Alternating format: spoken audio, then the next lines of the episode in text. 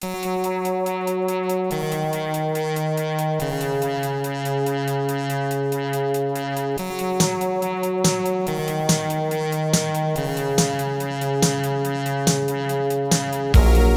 to First Draft with me, Sarah Enni.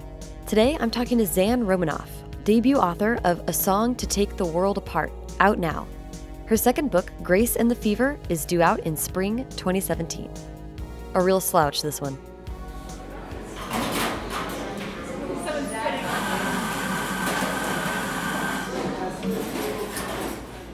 Months ago, my dear friend and subject of First Draft episode 23, Kate Hart, was raving on Twitter about a song to take the world apart. I read the description of the book magical realism and a girl who can't control the power of her voice, yes, please. And then I checked out Zan's Twitter feed One Direction, fanfiction, anxiety, and the beach? Also, yes. And then I realized she was in Los Angeles. So, since this is the second biggest city in the country, of course, it turns out Zan and I are practically neighbors. And for months, we'd been writing our respective young adult novels at the same coffee shop. Sometimes meeting new people is like merging on the freeway, fast and terrifying. And other times, people quietly and smoothly align with your life, bringing a new perspective and sharper laughs and a sense of understanding.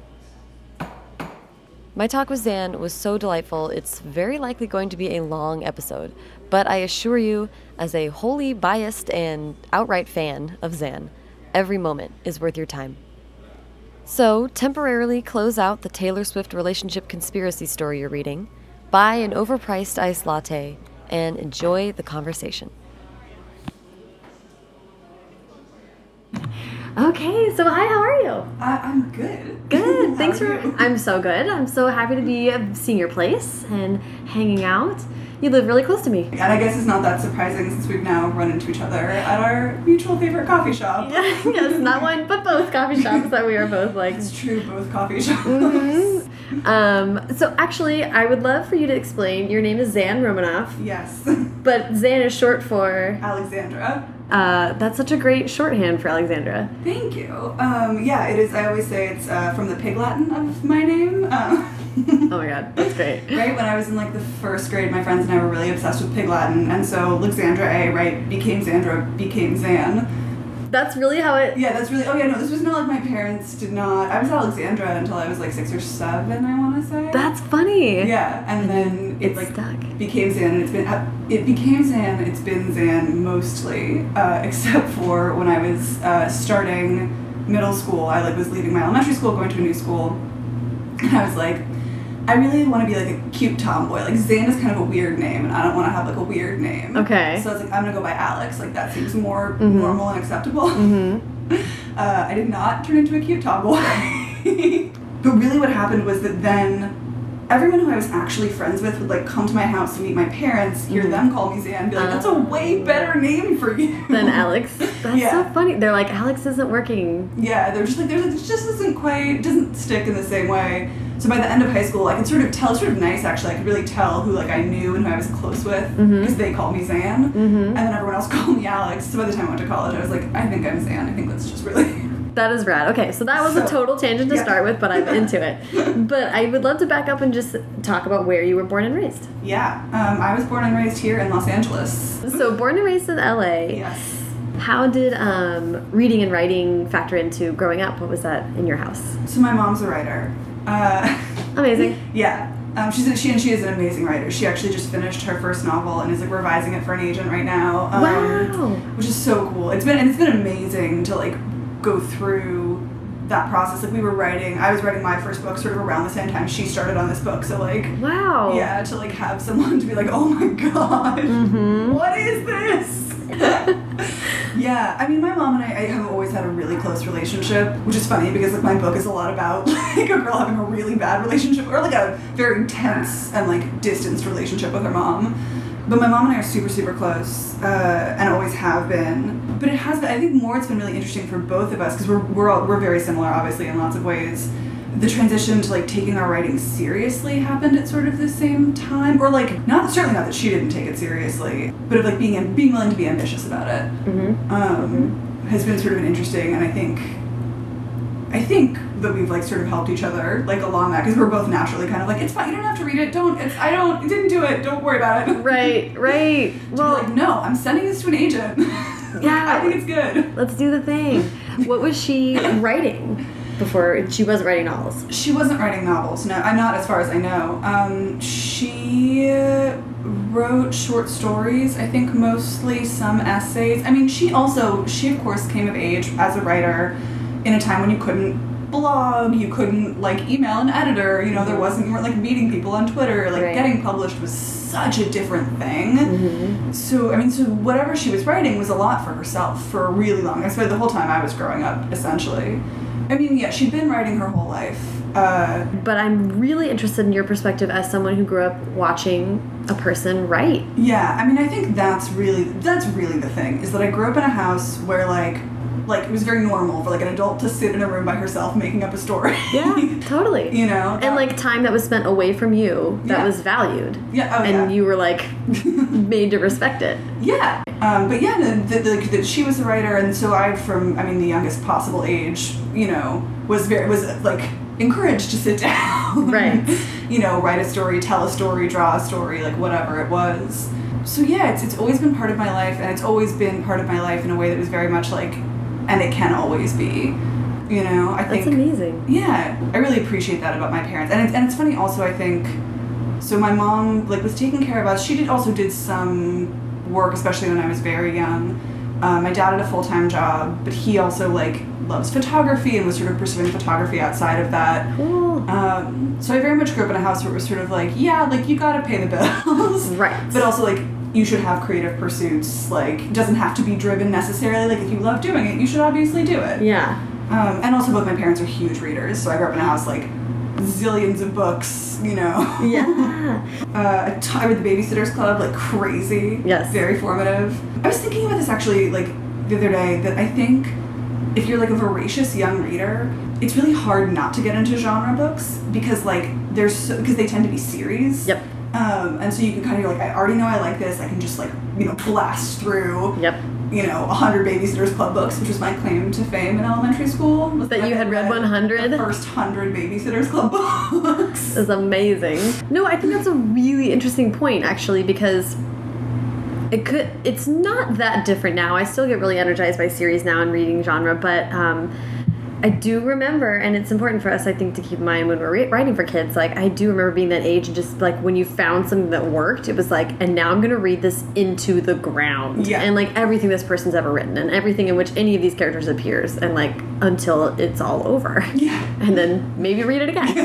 oh, I mean, that's it's incredible to me to think about how often I reread books. Mm-hmm. You know, the stuff that I liked. I was like, I don't care if I know how this ends. Like, and I think, I mean, I think also actually when you're a kid, like you don't necessarily want to be surprised. You like you want a world that you can figure out the rules of, and so genre is very comforting in that way. Mm-hmm. Yeah. often. genre has genre worlds this is like what we talk about a lot with, with what's going on in the world right now where it's like we are held to more strict standards of reality and realism or quote unquote realism and needing to be like believable than the real world is Yeah. so I can imagine having like, and I I can imagine I was also this kid. I think that was deeply comforted by worlds in which magic has rules. Don't break the rules, or you know what will happen. Exactly. And like once you do know the rules, you can kind of like imagine how the story is gonna end and you know like it's gonna work out, it's gonna be awesome. Like, mm-hmm. so yeah, so I read Babysitter's Club, all the fantasy I. I mean Anne McCaffrey actually, which in retrospect is not the most child friendly thing in the whole world.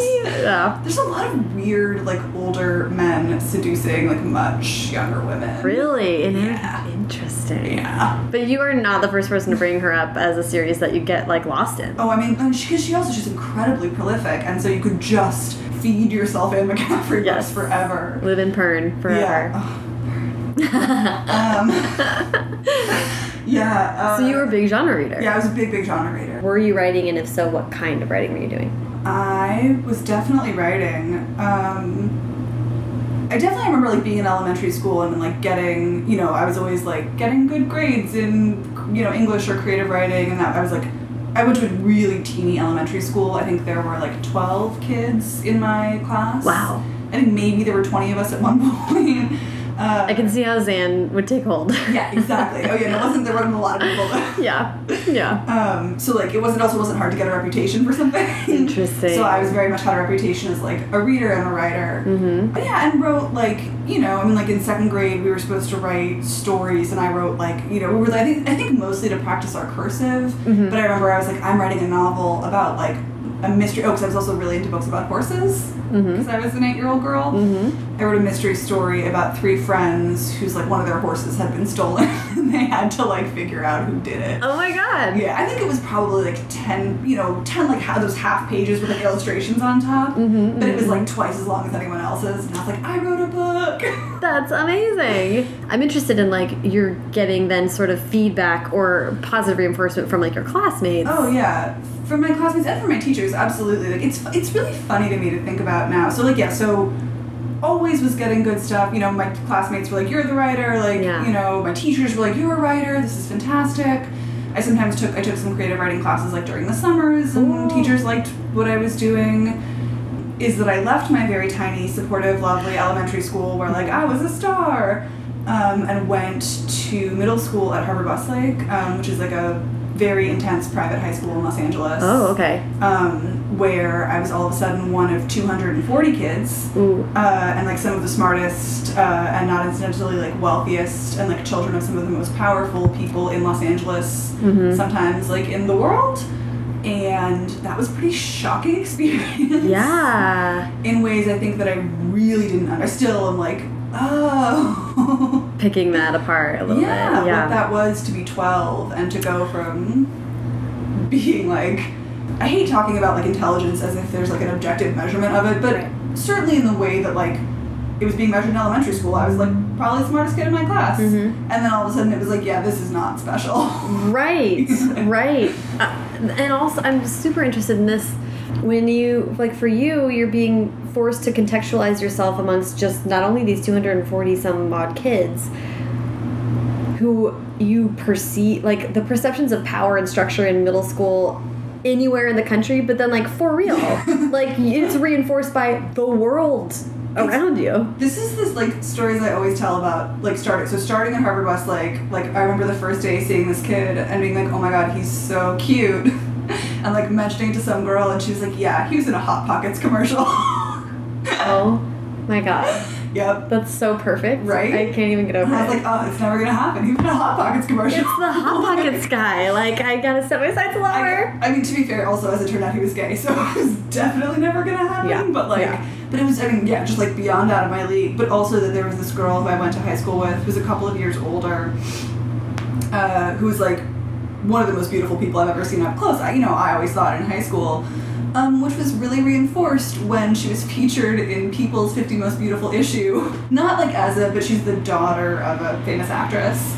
Um, Oh my god. Yeah. So she gets to be in Glossy Magazine, Yeah, and you're it was like, oh my god. the beautiful daughter of like a beautiful actress. You know, it was like the, the most beautiful like daughters of famous people. Whoa. And it was like Spencer Margaret Richmond, and I was just like, I was like, on the other hand, it was sort of affirming. I was like, okay, it's not just that I like wasn't the prettiest girl of Harvard West. Like, Right. This is really on a like a much bigger scale. Right. Uh, But it would take a lot of work to get there. Like, like I had to compare myself to Tony Stone in my middle school, you know, and Tony was beautiful, but like she was not on, in People magazine. right. People magazine was not saying to you like, no, no, no, no. Yeah, like stop trying. like that's a mind fuck. It's a huge mind fuck, and I and I and I really have mixed feelings about it because I think on the one hand, like yeah, it traumatized is hundred percent too strong a word, but like it really set me back and, and sort of closed me up in a lot of ways for a lot of years because I was just like, I can't compete with anyone here. Right. You know, I can keep my head down, I can do my work, that's fine. Yeah. But like, I'm never gonna be a star here, Mhm. you know, and I shouldn't try, and I should, you know. And ultimately, I think it toughened me up in useful ways.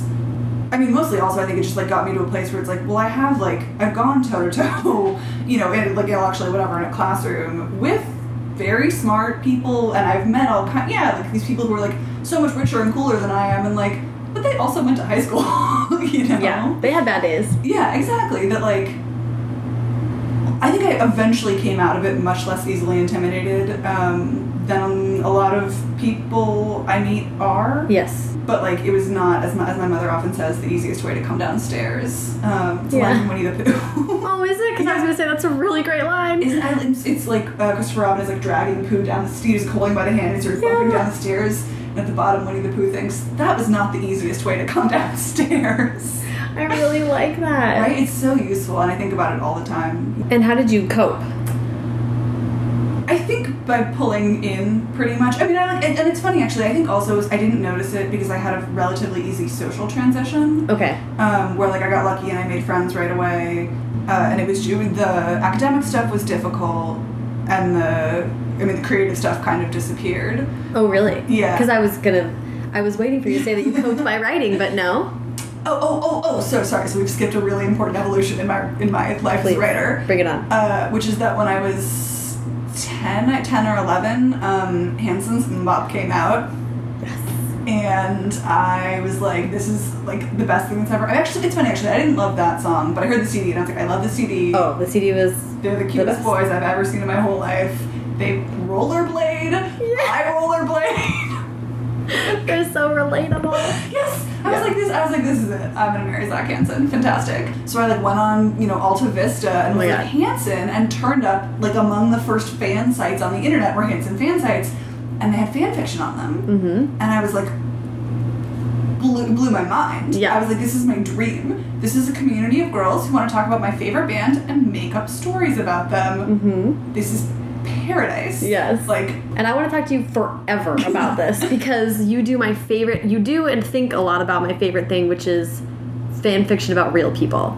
yeah. It's like such an amazing quagmire. Um, and this is something actually, this is really important and incredible. So when I started writing Hanson fan fiction, like at some point I told my mom about it, and she was like expecting her to be weirded out Mhm. because even then I had sort of had the sense this was like not quite a normal thing to do. Mm-hmm.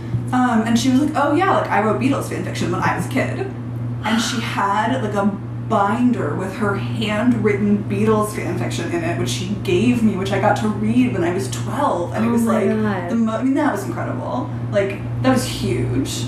I love that yeah, it was because this really has been happening forever. Oh yeah, um, yeah. So I so I started writing Hanson fan fiction when I was eleven or so. And so I'd been writing fan fiction, and I think around when I started middle school, also I was like, this is not cool. Oh, to be writing Hanson fanfic. yeah, like I was savvy enough to be like, this is not a thing I'm gonna like talk about. But so, but so that was that had been my like major. That was like how I was writing at that point. Okay. And so when I sort of stopped doing it, I sort of lost touch with it, and I don't think that I wrote much extracurricularly. But also, it sounds like you sort of had to focus on getting keeping up with school. Yo, school was crazy. Yeah. Um, it's it's a challenging, challenging academic program. Yeah. I feel like, especially especially middle school, I feel like I was just like figuring out how to swim. Part of how I figured out how to swim also was being a version of myself that was not quite who I actually am. Mm-hmm. Um, Tell me more.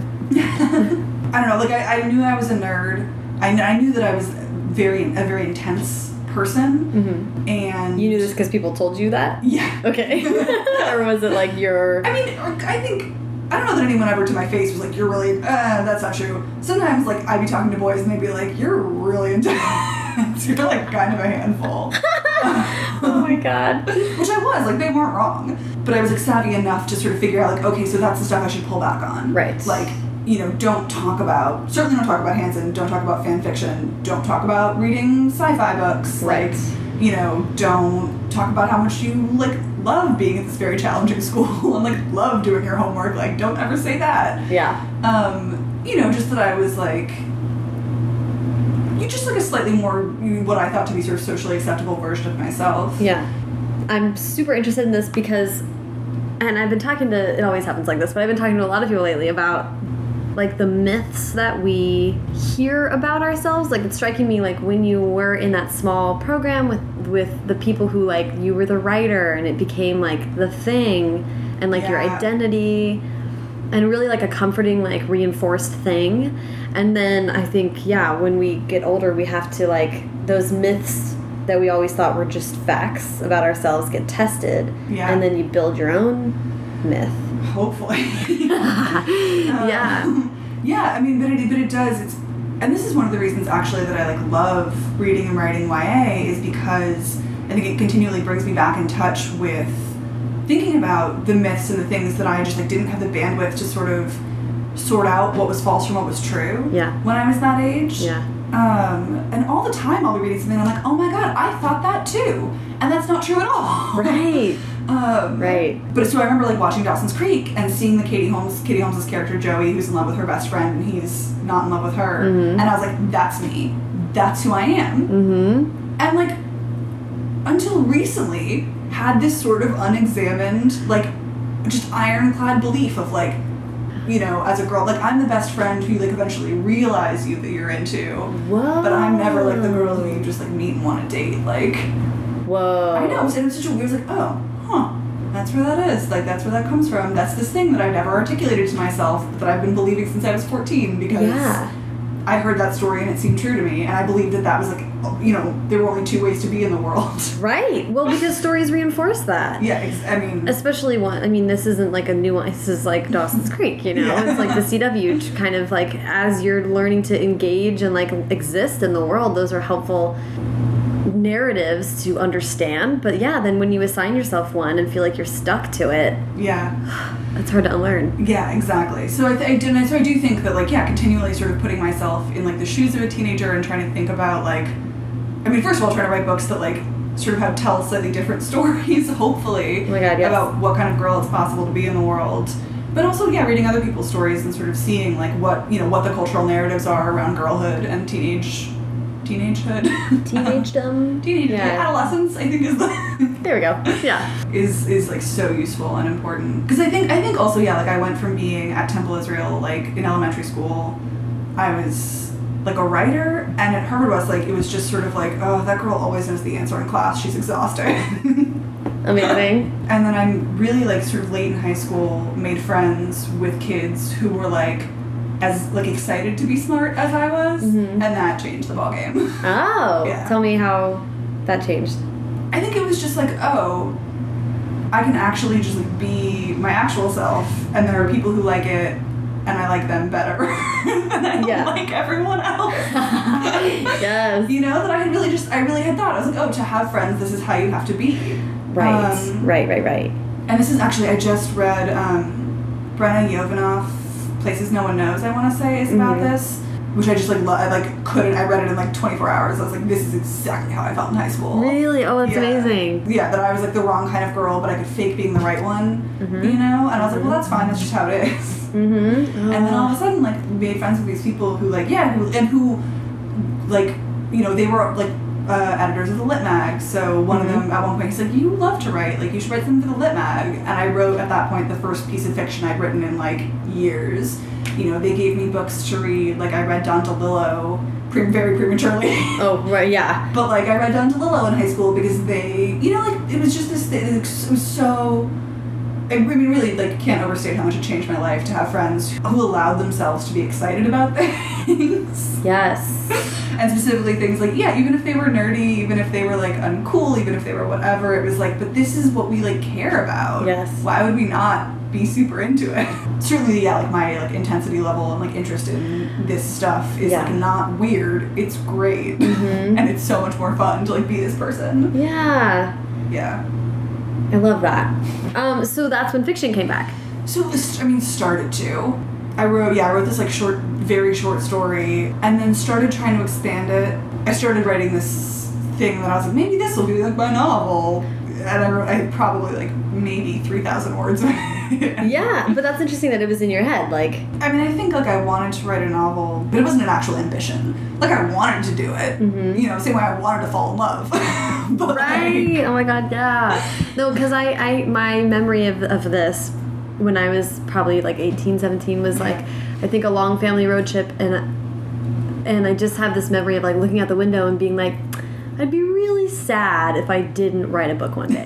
you know, like that's how it was. There wasn't an urgency, and I didn't. It still didn't really feel attainable, but it was like, mm-hmm. man, it would be a bummer if that never happened. yeah, right. You're just like it's like on my life plan for eventually. Like Yeah, it's out there. Yeah. Yeah. So that's so interesting. Yeah. So yeah, and I and I think I also, you know, had been had been a little burned by by like previous. You know, I never finished any of those Hanson fan fictions. Like I, I Really? thought- yeah.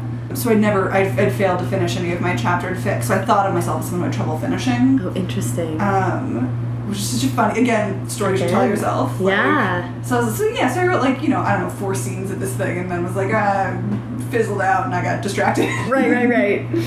Living Uh, life. Yeah, exactly. And I was writing, um, I was blogging, I should say. Okay. I had a live journal in high school.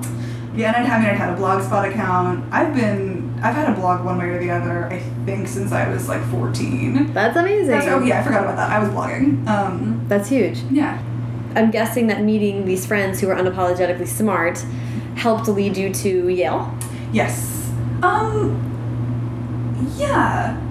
It sounds like they were also like like you could unleash your ambition. yeah, well. for sure.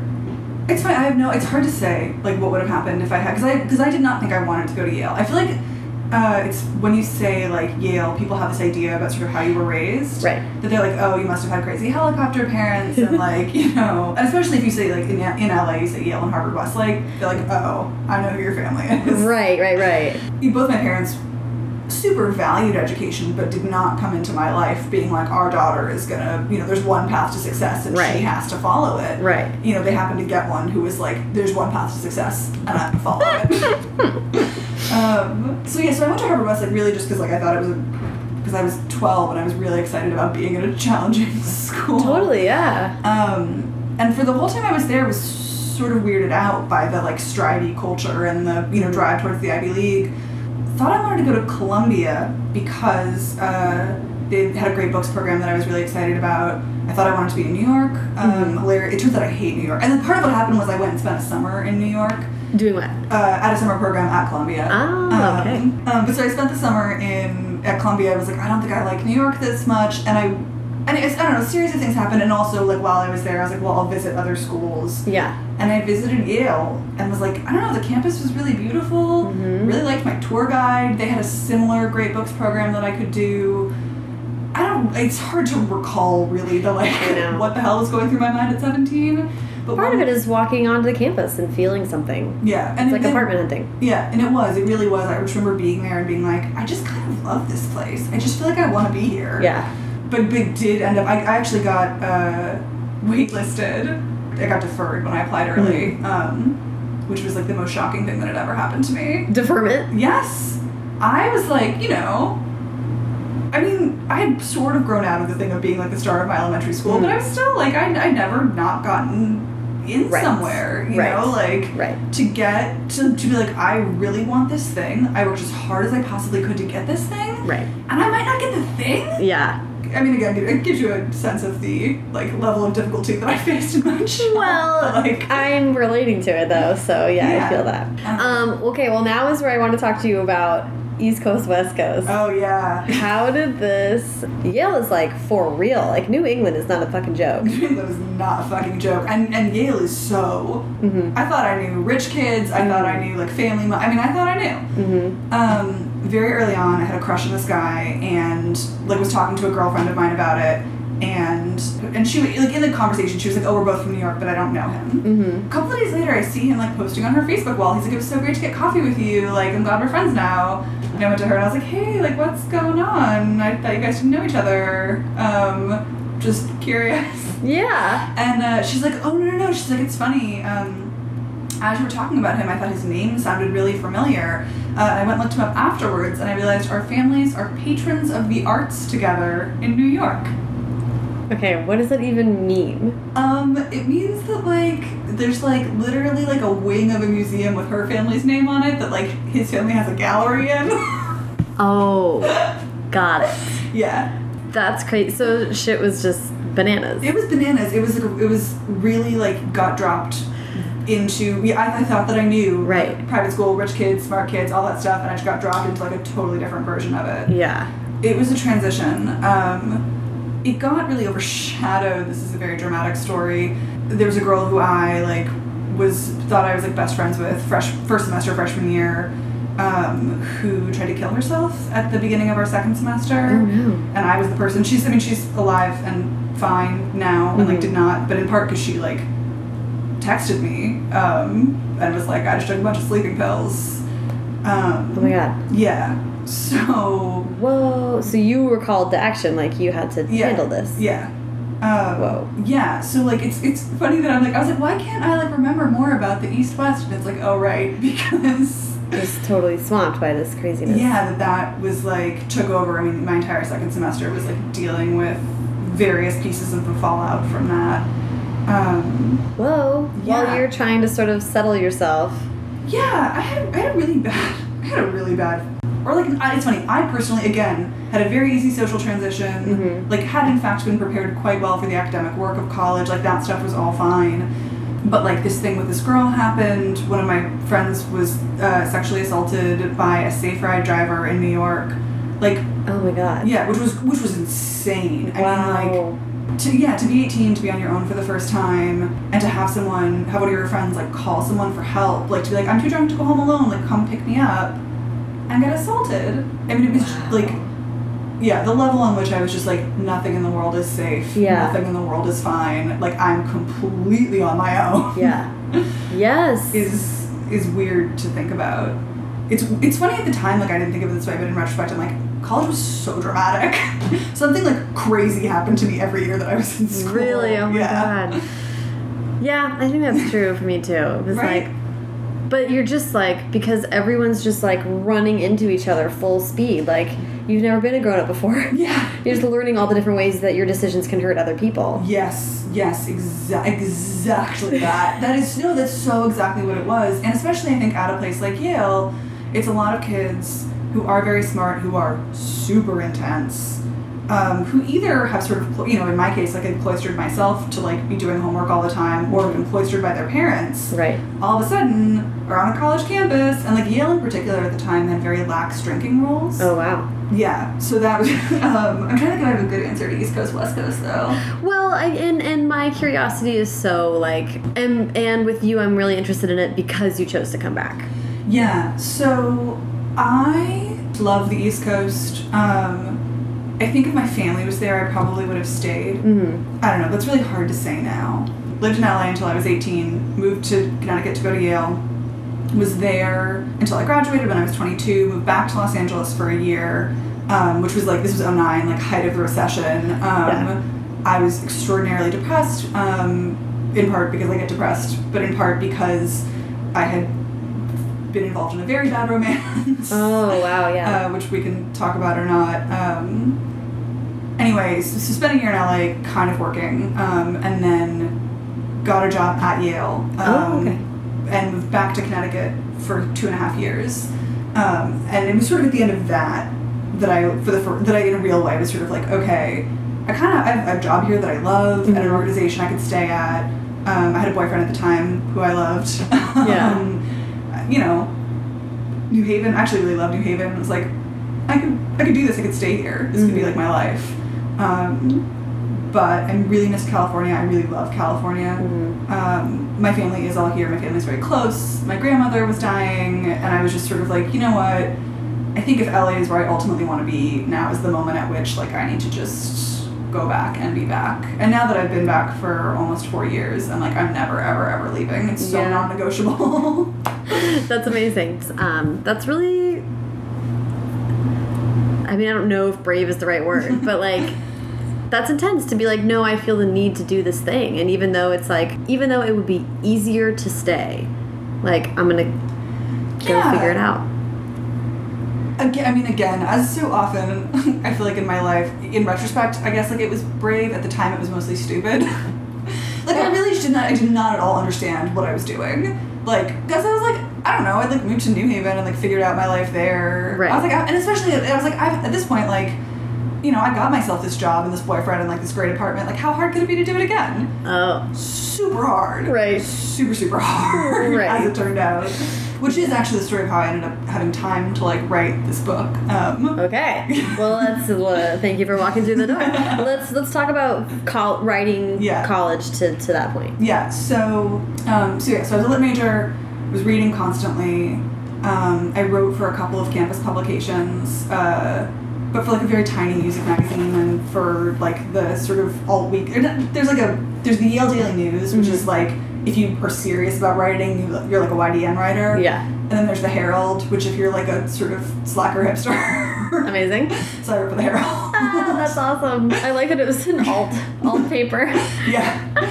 Um, it's yeah, it was it's a little more casual. I mean, it's it's a great paper. Don't get me wrong, but it's not the YDN publishes every day. Well, yeah, They're yeah. so serious. Yeah, so I wrote for like yeah for music magazine for this like little newspaper, um, but was really non-ambitious. I mean, I think again had been very burned by the experience of a Harvard Westlake, B not getting into writing classes at Yale. So even when like my editors were like, "You're really good at this. Like this is really great. Please write for us all the time," I was just like, "Uh, they don't really mean that." Oh yeah, the doubt was in deep. Yeah. Then I just didn't think of it. I was sort of like, this is like, I was like, this is good. It's good that I can do this because it's useful to people.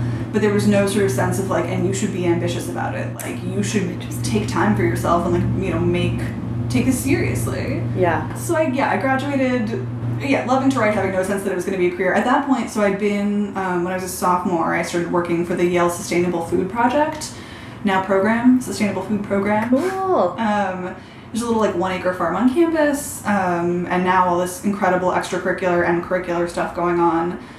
So at the time, I was like, "This is I love the sustainable food movement.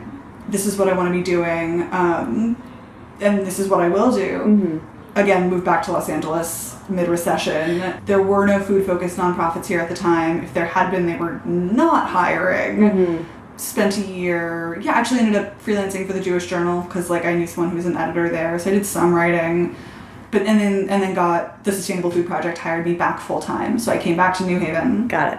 and it was really there like while i had that job and was living in new haven that i was like going to parties in new york all the time Mhm. and sort of feeling just like constant seething resentment and envy Right. of everyone who was doing the stuff that i wasn't doing um, So writing, even though you hadn't like sort of consciously, i mean i hadn't pursued it right? uh, at all.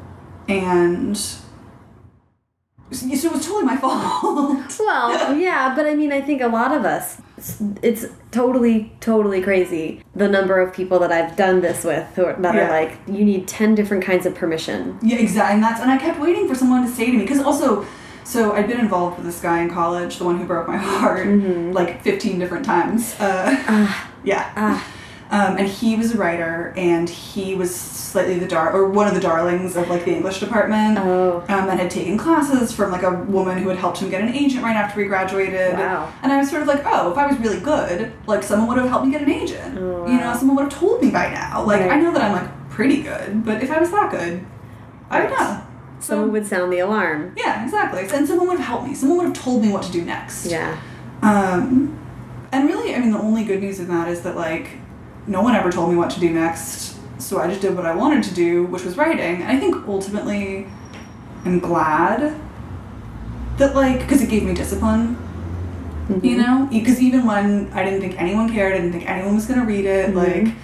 I was still like, but I love this, and this is what I want to do, and I'm gonna find time for it, and I'm gonna do it. Because I was, so I was, uh, I had this Tumblr that I had started when I was 22 and like living in LA, that I was still writing in, and that was sort of how my friends in New York like knew that I was a writer, um, and started encouraging me like to put stuff out there, to think more about it, Mhm. um, and really the, a, a big big turning point was. Um, I'd written an essay for this fashion magazine that my like brother and his girlfriend were running as part of their like a college project about Joan Didion in California. Mm. And a friend of mine read it and was like, "Oh, uh, Jenna Wortham, who's a reporter at the New York Times, and Thessaly La Force, who's worked everywhere, good, um, are putting together a zine called Girl Crush. Like, you should submit your Didion essay for it." Mm. And I did, and they loved it, and they helped me edit it and make it like actually really good. Mhm. Um, and then Thessaly had been a web editor at the Paris Review, and so she got it up on the Paris Review's website. Wow. And uh, I got emails from agents being like, "Are you working on a book?" wow. And I was like, "What?" That's incredible. Right, right, right. Like, what? No. I was like, "Oh no." I mean, and I really, I remember being terrified. I was like, "Oh no!" Like, do I, I don't have a book, and like, this is it. Fucked it up. That was my chance. right. Oh no, you felt like a window was closing. Yeah. Um. So I so I started. I was like, okay, I'm gonna write a book. I love that this is how it's I happening. was so. I mean, this is not this is not how I ended up writing song actually. Um, because at first, because I was like way too intimidated to write a novel, but I was like, maybe I'll write an essay collection. Yeah. Um, and I wanted to write an essay. This is, it was a good idea. I wanted to write an essay collection about guilt and pleasure, like guilty pleasures. Mm, interesting. Because again, at this this was sort of at a point where I just started to really own like, I love Hanson, and like I Mhm. love schlocky weird TV, and like I Mhm. love yeah everything made for teens, and I'm reading YA constantly, and like Mhm. I don't care.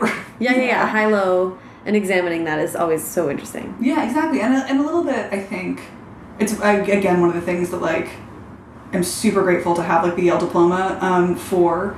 I don't know when people are trying to like question my Mhm. interests. Mm-hmm. Not that it's like objectively meaningful to have a Yale diploma, but it shuts down a certain amount of conversation. Well, for right? sure. You know. For sure. I think we I think an enormous amount of our adult life is spent putting things in place that are like I want to do what I'm going to do. Yeah. And I want to be respected for it. And anything you can bring to the table of that discussion and allow yourself to talk about things you want to talk about is an asset. Yeah, and I think also it had helped me sort of understand. Like, I was like, no, no, no. Like, I am smart, and this is the stuff that I like want to apply that intelligence to, and that's fine. That's not like, no. Mm-hmm. I, guess what? I got smart and I didn't stop loving Hanson. Like, they're not mutually exclusive. and I and I can like apply that smartness and like that intensity and whatever to this stuff that is what I care about. Right. And and that's much more exciting for me. like that's what I want to do. Mm-hmm. Um, but I was just getting into that sort of at that moment. So I started trying to write this book of essays. It did not go anywhere at all. Um, but between that and like a couple of other sort of smaller things that happened, when, by, by the time I left that job um, and moved back to California and didn't have another job lined up and I was going to live with my parents while I did that, I was sort of like, well, and I'll take a writing class Mm-hmm. because I think I want to like focus on this a little bit more. Uh, so I took a writing class through Writing Workshops LA, Mhm. um, which Edan Lepucki runs, which I like love and recommend very highly. Um, and first took a, excuse me, like a yeah, like a fiction writing class where we you know would read short stories and talk about them, and like then the sort of second half of class, the teacher would give us a prompt, Mhm. and we'd write for like half an hour, and it Mhm. was optional to go home and finish it because and I- so I should say like I had not I've been writing essays and like blog posts and things quite regularly Mhm. certainly from the time I graduated college up through it's when I was 25 so like three years I had not really been writing fiction Mm. um, but I decided I wanted to and took this fiction writing class yeah and wrote a short story that I really liked that I was like okay again was like this can be like the first short story in like a series of short stories Right. and started writing the second short story, and that became a song to take the world apart. It's not meant to be a short story. no, no, it was supposed to be the prologue of a short story, like the first like page of a short story. Funny. Yeah. Oh my gosh, that's really funny. Yeah, I, that's give you an my idea of my length problem. well, that's my favorite. That's my favorite kind of story is when people are like, "This was supposed to be a 400 word thing, and then it's 400 pages." yeah. Like some ideas are just Yeah, it, it really did. It just happened to be, I, you know, I started writing. It was like, oh, everything that I like, really care about is in this story. Yeah. like I can talk about everything. Um, I I do I really want to take just a second to like when you were talking about your boyfriend being like a star or, or whatever. It struck me that like if at that time and at that age you had gotten the same treatment, like I wonder what you even would have been writing. Yeah, it's super hard to know. because and and the, and the reason I'm bringing it up is because Yeah. I feel such like a kinship with your like progression of like interest and like acceptance of interest and stuff like that. Yeah. So like, oh my god, if I'd gone to a writing program in college and Yeah. someone and been encouraged at that time to explore what I would have been looking at in fiction, like I just would have been intolerable and like boring as fuck. I, okay. I'm trying to decide whether I'm going to tell the story or not because it's trash talking him. He can be an avatar for all white, And, I white mean, young male I, writers. I do think it's kind of like an, I think this is an instructive story in various ways. So he and I have been long, on and off, miserable, nightmare, um, and we hadn't spoken in like three years. And then he got in touch with me a couple of years ago now. We started talking, and I had just gotten an agent for Song, um, and I was so excited. And I was so excited also because like I hadn't taken my writing seriously when we were together, and he had not taken my writing at all seriously when we were together. So I was like so thrilled to be like, I wrote a book, I got an agent, like, fuck you, like I am a real, Mhm. I'm doing this. Mhm. And he's like, oh yeah, I wrote a book and got an agent too. I was like, god damn it. Cool, thanks. He literally didn't say congratulations. I was like, or Rebecca was like, congratulations, like that's exciting. Oh my god. but so, so we exchanged manuscripts. Um, Oh boy. and he had written a thriller, um, or like a yeah thriller um, that was like essentially like the plot of John Grisham's The Firm, like grafted onto Google. Um, Interesting. Okay. Yeah, Google and WikiLeaks, uh, and his agent wanted him to revise it, and he was like, "No, I don't want to revise it." Oh my god. And because and this is because this is how his life works, he just got another agent. Whoa. Yep, he just like found one, was like no, no, and then got a different one, and uh, Wow. yeah, and this is you know I was I mean I had done significant revisions before getting my agent, and we'll get to this I guess, but I also did significant revisions before I sold it to my editor. Like, anyway, he didn't revise the book, and the book didn't sell. Yeah. Shocking. But like, but it was such a moment of like, you know, you believe that you deserve this, and you believe that like you are the best arbiter of this, and like, you know, Well, and this is what strikes me as I mean, there's so much we can talk about about this being like a constant in female life, in, in the lives of women. But um, also that, like, though it turned out for, for in your favor, like having that moment of not getting into Yale, having these like setback things, moving, having to start over. I mean, those are really important things where you understand you are fallible but can build better. yeah, certainly that you're fallible, right? That you can build better, and that like certainly you won't get things handed to you, and even if you deserve them, sometimes you won't get them. And so yeah, to me it was like this. I, just- I mean, truly was like so grateful every time someone read that book and offered me a suggestion. Like again, like you know all the stuff.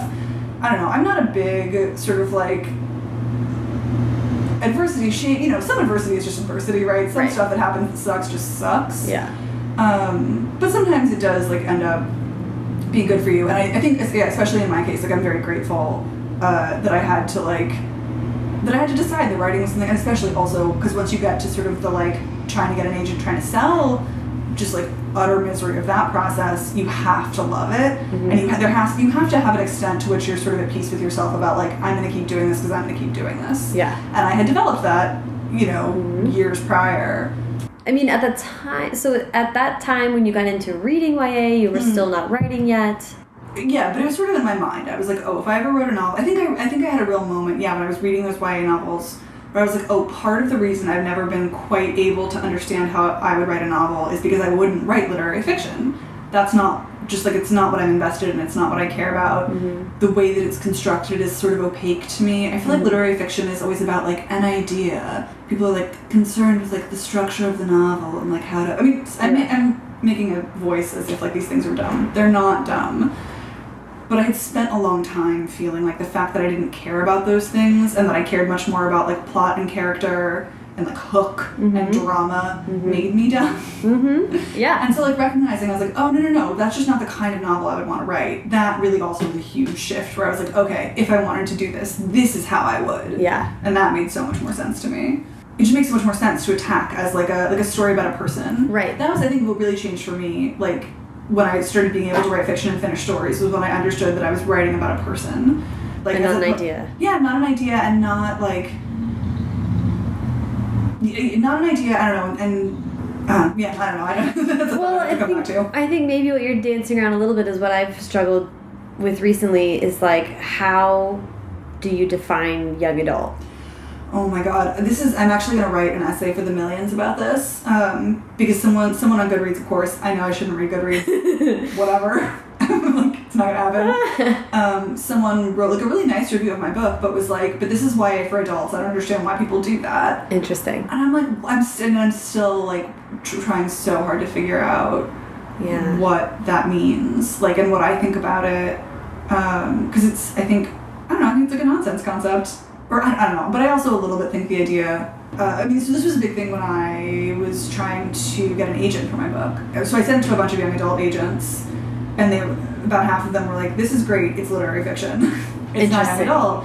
So I started sending it to literary fiction agents who were like, "This is young adult." Funny. Yeah. So you were really caught in the nexus there. Yeah. It was it was in part I will say it was a, a slightly a voice problem and one of the big things that happened like Logan, my now agent, um, read the draft and was like, This is fantastic, it has a voice problem. Before I would sign you, I want you to revise it. And She's a genius. It's so sticky and it, it is fascinating to me to read stuff that's like I mean, I so I just read like Girls on Fire by Robin Wasserman. I have that at my house right now. Oh, it's awesome. It's really, really good. And I understand content wise why people wouldn't want to put it on a YA shelf. Mhm. I mean, it's nothing I didn't know as a teenager. and I'm sure it's nothing most teenagers don't know. I understand why for that reason. But yeah, I don't know. But I was reading it and I was like, all right, like to what extent is this like kind of a young adult novel? You Mhm. know? I don't know. Yeah, it's fascinating to watch those lines get drawn and sort of like, not that this is her fault, right? But that like if it gets categorized as literary fiction, it gets taken seriously Mhm. in a totally different way. But then you have to like jump in with the sharks of adult literary, which sounds terrifying to me. Oh yeah, no, no, no. I'm I'm very happy. I should say this is not a complaint about being white. I mean, first of all, because I'm like, if you don't take m- me and my book seriously, you can go fuck yourself. Mhm. Yeah, yeah, yeah. yeah, I mean, I, I really like. Yeah, I've spent so much time not taking myself and my writing seriously. Like, I'm a hundred percent done with people who do don't you know want to do that. I'm like, Mhm. nah. Mhm. Um, and because uh, you know, the adult literary world can be pretty masturbatory. Yep. Yeah, I can. I don't think anyone consciously writes a book intending for it to be masturbatory, right? But I do think that when you're maybe when you're speaking to what feels like an audience of your peers, it's easy to imagine all of your peers are just like you. Mhm. Um, you know, in a way that it can just feel uh, a little hull of mirrorsy sometimes reading, you know, this is the complaint about MFA fiction. Whereas when you're writing specifically for people who are not your demographic, it just forces you to consider from the get go, this is not for me. Like, I'm reaching out to someone who maybe doesn't have my experiences and doesn't have my, like, you know, understanding of the world. How can I get across to them this thing that I'm, like, finding it urgent to say? That is such an interesting point. I I'm so intrigued by that. That yeah, that's completely true. Like all of us who are writing this are not teenagers anymore, so that instantly puts you at this other where you just it encourages empathy right out of the gate. Hopefully.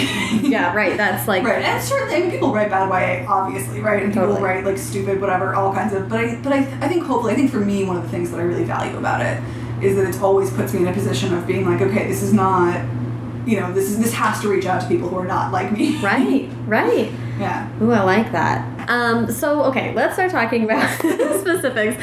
Let's talk about a song to take the world apart, um, which I read, and it's amazing. Thank you. It's so beautiful, and I love it. Um, you mentioned, I think, uh, a little bit of the genesis, but go ahead and back Yeah. up and talk about how this came to be. This is one of these books that has like such a like weird convoluted origin story that I keep trying to like refine down.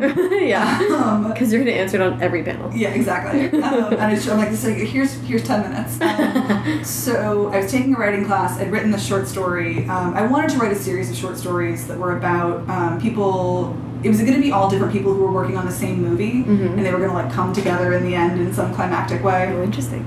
But I also wanted them all to have magical powers. Yay! Um, but like the magical powers, so I've been reading a ton of like urban fantasy and, Mhm. and high fantasy and all kinds of stuff. And I felt like I kept reading stories where these girls would like discover not only did they have powers, but like they were the most powerful, Uh, yes, you know, yes. or the most special or chosen or whatever it was, and they were gonna like that they were and they were getting whisked out of their world into a new magical one, and they had to save it, and they had a true love and like a destiny. hmm And I, as someone who, especially at that point in my life, was feeling like I don't have a true love, I don't have a destiny, like, and had felt that way very much in high school. You know, that I was like, I'm not the heroine of a story. I'm know? Joey. Yeah, I'm Joey. I'm, I mean, who is, in fact, totally a heroine of Dawson's Creek, but. Completely. Yeah, but th- yeah, it was just like I'm, I'm not a heroine and I'll never be one. Anyway, so I wanted to write a, a, a story about people who had magical powers that like were kind of screwing up their lives, Right. In like really low grade, annoying ways. Um, but so so so I, so one of them was um, going to be about a girl who had a magically powerful voice, but it was like too powerful and she didn't know how to control it. Mhm. Um, and it was sort of you know she was trying to figure out how to like she's like I have this power, but I don't want to use it to get ahead, and like how am I going to reckon with that? And I wrote, yeah, at the very beginning, uh, was like, she it was Lorelei was an adult. And it was told from her bartender boyfriend's point of view. Oh, funny. Thank God I brought it into this writing workshop that I was taking, also through Writing Workshops LA. And one of the guys in the class was like, if the story's about this girl, shouldn't like it be told from the girl's perspective? And I was like, yeah, Yay, guy. right, totally, like a really, really good note. Mm-hmm. Um, and when I started writing it from her point of view, I was like, well, I'm going to give just like a brief history of sort of how she figured out that she had this power. Mhm. And as soon as I started writing that, it just you know, all of a sudden what was supposed to be the first page was 15 pages, and then it was 30 pages, and I was like, oh. I sort of let myself say it was a short story for a while because I was really intimidated by like admitting I was writing a novel. Okay, well, and first of all, Yeah. this Russian nesting Russian nesting doll of like insanity that you were writing a story. You're like writing a story about a girl. You're exploring the concept of like not allowing yourself to be the heroine of your own story, and you end up telling it through your boyfriend's point of view. Yeah. Like, this is like breaking it down right now. yeah, it's indicative. right. Well, it's so interesting to me, like, because I am totally loath to, and I don't ever really want to separate like how we grow as writers from how we grow as people. So to me, I'm like, yay! like that's a great thing to be able to recognize and yeah, think yeah. Yes, no, it, and it was. It was. It's so it's so funny. It's one of those things that he was just like, well, why don't you know? It's like a question in a writing class. You get a thousand questions in a writing class, but that one was the key to everything. Mhm, Like, totally I amazing. was like, why isn't this girl telling the story? Um, So it grew and grew and grew. yeah, it just kept growing, and I was just like, okay, this is like, yeah, it's full of stuff I really cared about, was really excited about. So at a, at a certain point, I remember I was writing in Scrivener, and I had like folders for the other like planned short stories, Mhm. and at a certain point, I took it as like I was like, okay, I'm moving this document. It's going to be its own Scrivener document. So that was a moment. But then, really, what happened? So so also, so I just moved back to LA. Mhm. I was living with my parents, and I could not get a job. Um, I couldn't get a job, and it was so demoralizing. And I mean, it would have been financially catastrophic if it hadn't been that I had parents who I could just keep living with. I mean, thank God. Like, Yeah. They were just like, you can stay as long as you need. It's fine. So I, but so I had all this time to write. Um, so I was writing all the time, and I remember going into the the workshop that I was in one day, and mentioning because we would bring in like five pages a week, um, and someone asked me a question, and I was like, oh, I you know I've written this far but no further, which was because I was ahead of, of what I was reading, and the teacher was like, wait, how much are you writing in a day? I was like, I don't know, two three thousand words. He's like, okay, and how many words do you have? And I think I must have been about halfway through because he was like, you. He's like, if you write three thousand words every day, like you could be done with this by the end of the summer. Mm-hmm. And I just hadn't quite. I was like, oh. Somehow, somehow I was just like, oh yeah, I could do that. That's so funny. I love I that. guess just putting it in the, in the mathematical terms, I guess, were also because I'd been doing it at that point. I knew I was like, I could write 3,000 words of this a day. I know what happens next. Because Mm-hmm. I pretty much did at that point. Yeah, and, you- and really having someone give me a deadline is before I'd kind of been like, I don't know, like I'm writing this book, but I'm trying to get a job. And it was like, well, you're not getting a job right now. So, right, like, right. so why don't you just like go all in and write this book? Um, so I did. I wrote it relatively fast. I think I started it in like April and I was done by the end of August. Wow. Maybe it was May actually. Um, I mean, I had a draft. Yeah. Let's be clear. Yeah. I had a draft at the end of August. um, I revised it on my own for a while, and then I sent it to my best friend, who's a at the time was an editor of like adult literary fiction at FSG. And she read it and was like, "This is great. You should make some tweaks to the end." And so I like made some tweaks to the end and sent it to agents like so prematurely. Oh boy. yeah. Yeah. Um, I got rejected by a bunch of them, Mm-hmm. and was like, "Oh, okay." Yeah. and then did a bunch more revising and sent it out to a second round of agents and that was that was Logan? yeah that was when things started to happen i mean and still ended up we still was having the voice problem which she and a couple of other agents identified Right. and And voice meaning like not enough voice? so this is the example that i always give is just it was it was just really overwritten in certain Oh, so yeah. like the there was a sentence which read um the lack of a microwave in the kitchen is the last vestige of Oma's strictures in the house. Whoa. which now reads, they don't have a microwave, Oma never liked them. That's amazing. that was the voice problem. Yeah. Yeah. Oh, that's so interesting. Yeah. It- It's a, it's a whole long and like unnecessarily complicated story, but I actually got offers from a couple of other agents first. And she had asked for this voice revision, so I sort of sent it to her. It was like, I have a couple of, like, I only did a chapter, I have other offers, you know, if you like this. Right, right. Um, and the other agents had not identified the voice thing, and so, but that was one of the huge reasons we want to work with her. I was like, she knows. Yes. Like, she knows what's up. So, yeah, so I signed with her uh, about a year after I finished that first draft. It was July. Did some more revision with her. We sent the book on submission at the end of that year. Got rejected by everyone. Except the, and as it happens, my current editor, Catherine, was the first person who got back to us. And she was like, I love this. I don't think it's quite there yet. Mhm. You know, if no one else buys it, I'd love to talk to Zan about doing a revision Right. no one else bought it so and it turned we by the time we talked i was wanting to revise it we had the same idea about how it needed to be revised it was just like very same page very lucky situation That's amazing. yeah It's like better than anything when you someone gets it. yes no and her, i was like yes this is exactly what this book needs It's sometimes tough because I want to talk about super specifics. It's almost harder to interview people when I've read their books and I'm like, tell me all the things. But um, let's talk like broadly about what what happens in it and, and what you were thinking, because it is about um, it's about about a girl. And who's discovering a superpower that does complicate her life?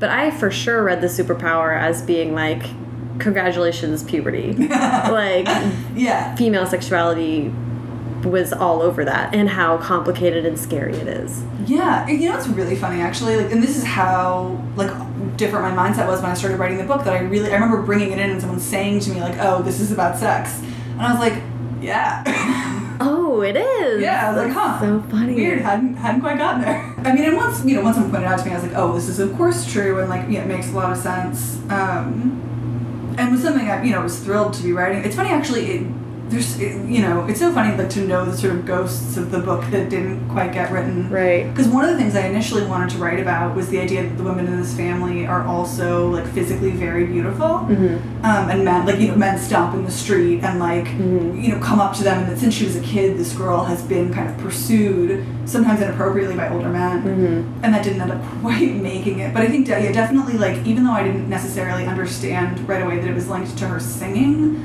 I knew that I wanted it to be about what it feels like to, to sort of come of age sexually or like I don't know because that like when you're a girl often you come of age physically in a way that makes people perceive you as sexual Yep. long before you come of age sexually yourself and this is something I like I got my period when I was 10 Whoa. yeah Wow, it's hella early. hella early and so I mean you can imagine and it was not shocking like I was you know I mean I looked older Right. which meant that like men, like grown men started hitting on me when I was like 13 years old. Yeah, I think female sexuality, much like Lorelei's voice, is something that like you don't ask for. You, peop other people see it in you before you understand it in yourself. And yeah, and, and no one no one tells you how to how to use it, how to how to make it work for you. Because there are, I mean, certainly in terms of your sexuality, like ways to make it work. For, you know, there's so many ways to make it work for you, Mhm. and there's no guidance as to like what that is, especially when you're you know much younger. Mhm. Um, And when you're someone like you who develops really early, there's a lot of like even people that you would have wanted to confide in. There's a lot of jealousy. yeah, or just people who don't understand, just don't understand. They're just like, "Ah, it hasn't happened to me yet. Yeah, yeah, yeah. Yeah, no, I mean like, yeah, no, that was definitely another thing that I yeah really wanted to to sort of write about is is the weirdness because I think that like it's sort of amazing when you think about how much gets like produced in our culture around the idea of pretty girls and how little of it is from the perspective of like how complicated and sometimes really unpleasant it is to be a pretty girl. Mm-hmm. And Not that I'm like claiming I have a great beauty, obviously, but you know what I but you know what I mean, like Yeah. like I don't know. I mean, I, I don't know. It's it's sort of weird to like claim that for yourself, but I feel like Pretty Girl is a sort of a wide swath. It is Um, absolutely. Yeah, no, I I, de I definitely appreciate the difficulty you're having into because it's really tough to. It's well, this is another one of the binds that we're in and talking about the subject. Like you can't claim to be beautiful. Right. No, certainly not. And I think also like that it's one of the, it's one of those things that people can claim claim in you and react to all they want, Mhm. right? And the second you start saying of yourself like, "Well, I'm a pretty girl and this is how I see things." Oh, Yeah, everyone's like, "Oh, excuse me." yeah, You know. it's so not How done. dare you? Yeah, and I guess actually this is what I mean when I say that it's less about how I feel about my face, right? Which is like frankly not that great. um, but it is that like I've lived in the world long enough to understand that like the way that people react to me is like the way that people react to a pretty girl. Right. Um, and one of the interesting and, and yeah, and one of the things I want to write about is sort of like I don't know. There's power that comes with it. There's all kinds of stuff that comes with it, and especially if you don't if you feel like it's an undeserved power, if you're like people are reacting to me this way and I don't understand why because I don't feel this way. Yes. Like it's just a whole complicated, uncomfortable set of things to navigate. Yes. That's like supercharged within yourself and supercharged the way you handle it out in the world. Yes. Because also nothing in the world, right, makes a man angrier than when he tells you you're pretty and you don't respond well to that. Mm-hmm. And they're right. Ugh, ugh, ugh. Yeah. It's it's like the greatest gift they could possibly give you, Right. and treating it otherwise is. Right? It's like, and then because my favorite thing is when, and this has happened to me on multiple occasions, right? That a guy will be like, "Oh, you're so pretty," and I'm like, "Yeah, I'm doing whatever thing I'm doing. I don't want to talk to you." And they're like, "Oh, you're not that pretty." Yeah. Oh my god. I'm like, oh, you took it away. There it goes. Oh, gee. Oh, it meant so much when it was there, right? stranger. Oh, no. my, my face was a thing and now it's a different thing. Like, oh no. So insane. It's so funny to be like a 31 year old woman and be like, this book is for me. Like, I'm dealing with the same shit. Like, I, I related to it super hard because Lorelei, she's like such a normal girl and she is feeling like strong romantic feelings for kind of the first time and then is struggling with like this person's responding to me in this way, but why? And Yeah. it feels like it's one or the other.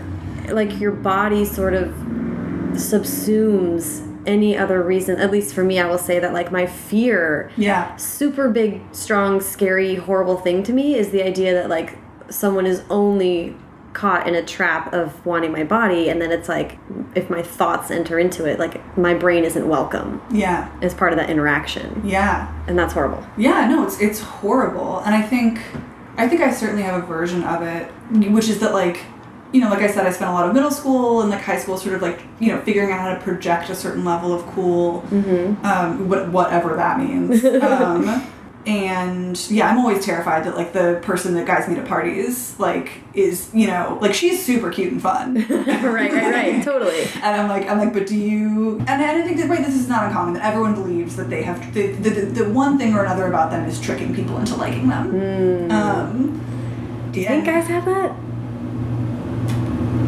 I don't i want to ask a guy that i wish i wish there was a like a way to ask guys that that didn't feel like a trap Yeah, right. I'm actually, I'm really curious. i'm sure that that's true for i mean because everyone has insecurities Yeah, but to me this feels very I think it's, I think it is specifically female though, because there is this idea of like that nothing about you is real until a man has seen and validated it. Yeah, so if you know.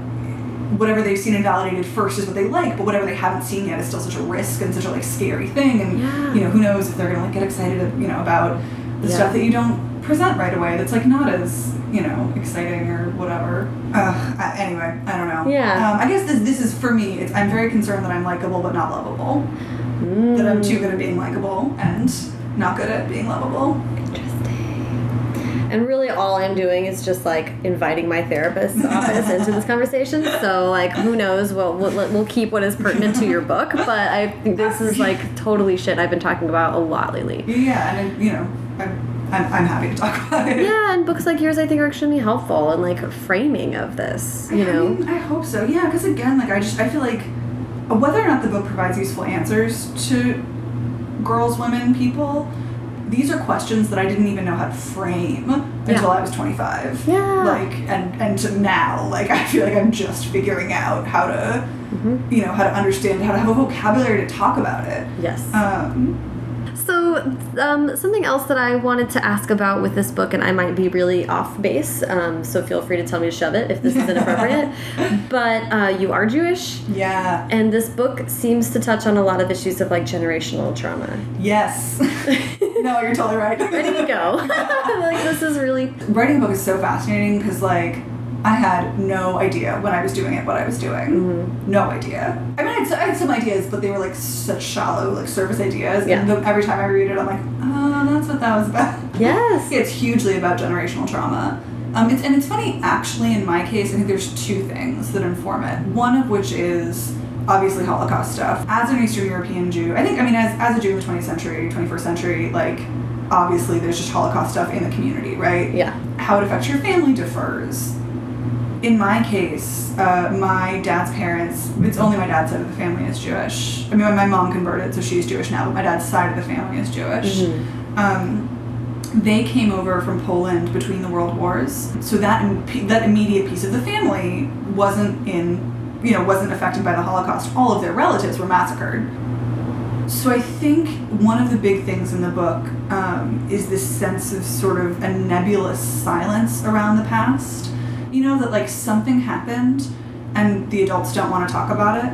Um, you know that those aren't stories you can ask anyone to tell. Yeah. Um, and I think that's that's huge.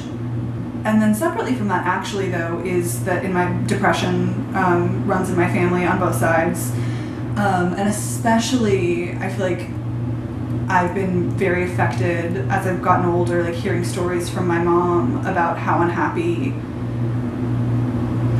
the women in her family were. I mean, certainly it's on my dad's side too, but it's just less, you know. But like talking to my mom about about this like generational unhappiness, some of which is chemical and some of which was, um, you know, that they were really smart women who really wanted to have careers and who like loved to read and who, you know, who would have, I'm sure, loved to have the opportunity to write books. Wow. And just that wasn't there for them. And what it would be like to be smart and ambitious and you know literate and literary and like and not be able to do that and like to you know be depressed and not have a therapist and not have an SSRI like Yeah, you can't even say you feel these things. Right? I mean, like, and it, I just, I mean, like, I, it, it's so, uh, it, like, thinking about it is so hard. Like, I have an incredible relationship with my mom. She had a, a good relationship with her mom. Um, you know, I don't want to, like, sound like I'm saying this was trauma passed down through the generations of, necessarily, like, bad parenting. But there's certain family dynamics that when I think about them make so much sense in terms of my family, and also just when I think about how many women were raised by women who were raised by women who were raised by women who were unhappy, who were repressed, who weren't allowed to do the things they wanted to do. Yeah. I think that's just specifically female inheritance, and it so informs the way that women relate to each other generationally and, you know, within our own cohorts. Mm-hmm. Um, Well, and, the, Yeah. and this the silence is so that's such an interesting way to frame this because in the book I felt that it was not only it was the the trauma of dealing with the gift that these women have, but it was also like that what you were talking about with female sexuality and how you can't talk about it. Mm-hmm. You know, so it's to have a power and to not even be able to voice it and just instantly scary. yeah, yeah, and to and to like you can't talk about it. You don't know if other people have it. You know, you don't know how they handle. it. I mean, Yeah, like- yeah, yeah. Yeah, I mean, I will say also, I think it's no coincidence this is the book that I wrote when I was living with my family for the first time in a long time. Mm-hmm. You know, again, not that it's like directly at all about them, but just like thinking about having a family and what it means. And I mean, it was true. My grandmother was dying, like, she was my last living grandparent. And so, like, there was a lot of processing going on of those relationships and just like, you know, what we all were to each other and I mean, such heightened emotions and, you know, all this stuff Mm-hmm. the inheritances that like no one that you know no one tells you about and that Yeah. you don't understand and that you spend I think a lot of your life trying to Oh yeah. And like while you raise new people who then will carry yeah that. who then carry it on and yeah Ah, so um, Grace and the Fever, Grace and the Fever second book, Yeah. so exciting. How did this come about? um, I actually wrote so I, when I started sending the first book off to agents I did what you're supposed to do and I was like I'm gonna start writing a second book and I was still drawing from the sort of short stories idea so I did start writing a book about a guy who was a werewolf it doesn't matter it wasn't good um, but I, and I wrote like a lot of it Really? Okay. Um, it was. I, I should say actually that like this was. Uh, I've like struggled with anxiety and depression sort of intermittently in my life. Um, I wrote that book during a year when I was super depressed and super anxious, and it really gave the lie to the idea that uh, being depressed and anxious is good for your art. It was Whoa. extraordinarily bad Oh man, yeah, okay, yeah, yeah, Yeah, I was just like I was miserable, but I was like I can get up in the morning and do this. Like I should, you know. I was like I hate this, but I hate everything. And so around, sort of around the same time, I'm trying to think. Uh, I kind of, I finally got to a place where I'd written like three quarters of it, and I was like, I can't keep writing this. This sucks. so I kind of put it aside. I went into therapy. Um, Excellent. and I was sort of not writing anything. And then, and I, but I'd gotten really interested in One Direction. Um, I'd been writing an essay about Taylor Swift, and uh, when 1989 came out, and had like looked up something about Harry Styles, and had Mhm. discovered Larry Stylinson fandom, which people don't know is uh, a conspiracy theory that Harry Styles and Louis Tomlinson, two members of One Direction, are in a secret gay relationship and have been since the band was founded like six years ago now. And they're being ruthlessly closeted by their management. Um, I just love it so much. Uh, so I was, re- I was, fa- I was super fascinated by it. I, and I had sort of introduced some friends of mine to it, and they had gotten fascinated by it. Mhm. I don't know. I was thinking a lot about that. I was thinking a lot about boy band fandom, which I'd spent a lot of time in. Um, two things happened. So the first like lightning bolt moment, I'd been reading an article that someone had written that was like, "Are you in fandom on Tumblr? Here's how you can like put those skills you've learned in fandom on a resume." Right? Like you probably know some coding, like you know how to make you know how to make gifs, if you know how to like do graphics, all this stuff. And I was like, it's really true. Like, girls in fandom, people in fandom are learning tons of super useful, fascinating stuff. And also, like, especially like in a, in a conspiracy theory fandom, like they're crazy detectives, right? And they're Yeah. always like checking to see what's been photoshopped, like checking the timestamps and like figuring out where all this. and they know Research. everything. And I was like, they'd make crazy detectives. Um, so the very initial idea for the story is I wanted to write about a girl who is believes a conspiracy theory about a boy band and is very public about it and like is following them around and accidentally like stumbles on a real conspiracy theory. But when she starts trying to tell people this everyone's like you're a crazy fangirl. No one cares. Oh my god, She's just like yes. use all of her detective skills. Yes. which I was like this is a great idea for a story. I, like I knew I couldn't write it. I was like I'm not a caper writer. Right, Like, yeah, that's I knew my skills so challenging. enough to be like this is not gonna happen. But I but I sent the idea to my friend Logan. I sent the idea to her and she was like that's genius. You gotta write it. I was like I mean I can't I'm not going to and after like a couple of months she'd sort of be like so what about that book you were gonna write me That you were gonna write me. That's so funny. yeah and I was like I'm not gonna do it I'm not gonna do it I'm working on my like werewolf thing Mm-hmm. Mm-hmm. and then, and then the second lightning bolt moment was um, when Zayn left the band. Like the day after, I saw this picture of him. He's at, he's just landed at Heathrow, and he's like walking, and it happens to be captured in such a way that he like looks like he's alone. Um, and he's and he's wearing very different like you know for the band they're always wearing sort of fashiony outfits and their hair would be done, and he just looked like small and tired and casual and uncertain. And I just had this moment where like my struggle with the book a lot because I had thought about it a lot had been sort of like I couldn't figure out how to like where the girl would be that she would encounter them and Mhm. see a private moment. Mm-hmm. And all of a sudden I was like, oh no no no no, she doesn't find them, they find her. He finds her. Like he walks Oh. into her life. I remember like looking at this picture, having this idea, being like, Zan, you can't do this right now. You're writing another book. Like, don't be silly. Like, don't do- distract you from your project. And I got in the shower, and I was like, well, as long as I'm in the shower, Ah. I can like think about, Mhm. you know, if I if I was gonna write this book, how would it go? And by the time I got out of the shower, I had like the first three scenes. Oh my gosh, that's I was like, amazing. well, but I'll just write them down, and I'm sure like that'll be the end of it. And every day, I mean, and and I so I started like, and this was the best thing about writing that book was so I, I would like.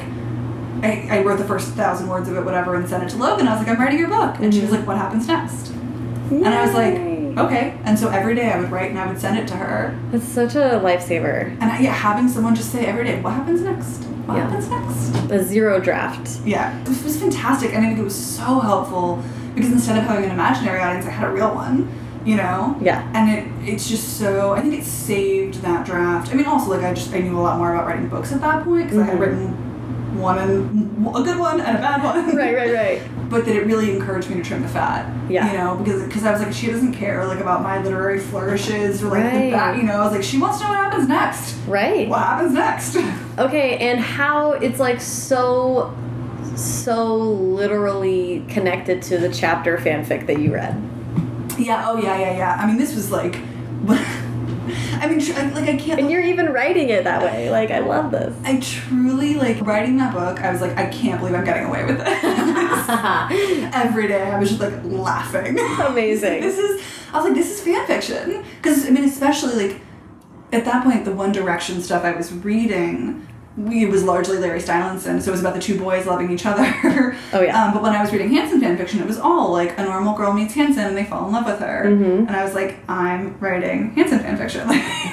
Like, I'm writing exactly the like Mary Sue RPF, like, mhm. you know, that I dreamed that I like, yeah, that I cut my teeth on when I was 12 years old. But like, like I'm doing it professionally now. this is like, I mean, it was such, yeah, it was such an incredible uh, vindication. Totally. Of you know, I think my whole writing career is vindicating the stuff that when I was younger, people were like, "That's a waste of time." Yeah. I'm like, oh, was it? Yeah, Oh, was it? How you just phrased that just now is super interesting to me because I love doing interviews this way chronologically and pulling people the threads Mm-hmm. because you see the threads and I'm wondering like the way you just phrased it though is interesting like has it always been that you would end up writing that or are you writing that because you've always been interested in it that's like semantics I guess but Yeah. it's interesting Yeah, you know, impossible to say, right? I think that it is very, it's very clear to me that like I've gotten stronger as a writer and I've gotten more self-confident and all this stuff, but also like in the year, the more I give myself permission to write about the stuff I truly care about, hmm the more strongly people respond to it. Always. Mhm. Always. Mhm. Like you know, I mean, yeah, when I was trying to like write sort of literary short stories in college, like they weren't good because I was 19 and also they weren't good because I didn't care. Right, right, right. you know? It's such a Um, wonderful truism. Yeah. Okay, and let's talk about this Mm-hmm. because I am beyond fascinated. One degree or one degree, one direction is is I find one of the most interesting ways to talk about this because they're so prolific, and that fandom is so intense. But like Yeah. the conspiracy theory part of it, I mean, just like talk to me about your feelings on this because I Yeah. I will never get tired of this. So this is, I'm- and I will say, like, I don't know. I fe I'm very curious to see what the reaction to the book is because I like both. I'm I totally understand and was myself deeply compelled by that theory. Mm-hmm. Right. I like emotionally understand wanting it to be true so much. Totally. And also, I'm like, come on, you guys. Yeah. Like, Like realistically, like, you just. I mean, I understand. I understand why you believe it, but like you, you're you're wrong. Um, and I really tried in the book, and I don't want to talk too much about like what the book's about. I don't know, but I, I- everything that I write about it, I try and like toe that line Right. between being like logically I don't believe this, but I really understand and respect emotionally and, and to an extent logically why people do. right. So I think so in the first place, like I think I wrote the book in large part because Logan and I were both deep in a place. Mm-hmm. And I was I think I was trying to explain to both of us. You know, I was like, why do we feel this way? We know this is crazy. Mm-hmm. But like, why is this just like so yeah, just like sucks you in? Something about it is so compelling. It is, and I think I don't know. To an extent, I think it's a little magic, like Mm-hmm. you know, because I've explained it to lots of people, and like that's fascinating. But I'll show them videos, like I'll show like go to YouTube and like, but and then people are always like, oh, kind of see this. Yeah.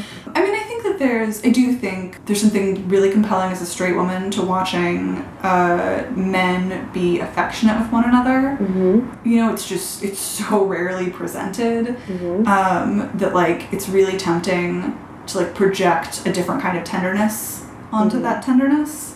Um, certainly for me, I don't know, I don't like speaks for all straight women. Right, right, right. Um, I mean, I think that's in general one of the hugely appealing things about One Direction is like how evidently they love each other, Mhm. um, or certainly how well they perform loving each other. Totally. Um, that you're just like, oh, like this, that these are men with feelings. Yeah.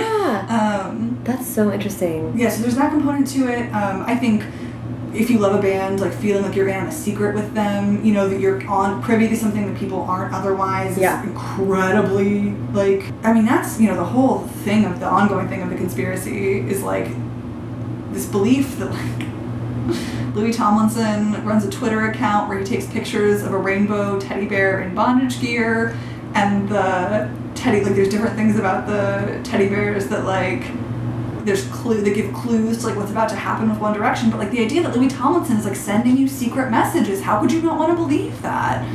Um, Wait, that's real? yeah, that's real. That's a real example. I did not make that up. That's fucking amazing. yeah, I did not even know that. oh, yeah, RBB and SBB. Don't even worry about it. There's also a really good like theory now that every time Louis is gonna have to do something with the baby, he takes like a warning selfie. Like every time he posts a selfie to Instagram, it's a warning that he's about to have to like, um, like do a thing with his baby, which they don't believe is real. Anyway, it's Oh my, they don't believe the baby's real? no, no, This is amazing. Babygate. Oh my god. Babygate. Yeah. I'm, I'm so peripherally in it, and I'll tell you why. Because I'm fascinated by the thing. Mm-hmm. I'm scared of getting into it, though, because, like, the ethical stuff is like this crazy dome The around ethical it for stuff me. is a crazy dome. I yeah, I definitely will say like.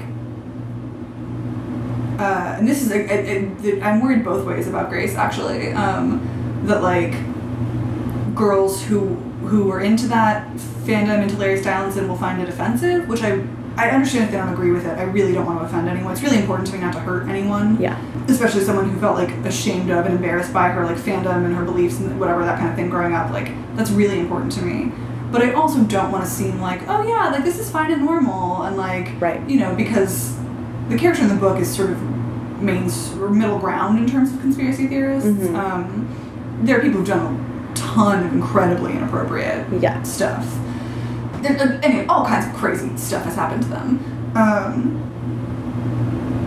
speculating. I don't necessarily love speculating about this in particular because like like Liam actually talked in an interview about um, how it's affected them. He was like, he's like, yeah, you know, it's like sort of for a while we're kind of like, oh, this is whatever. Like we know it's not true.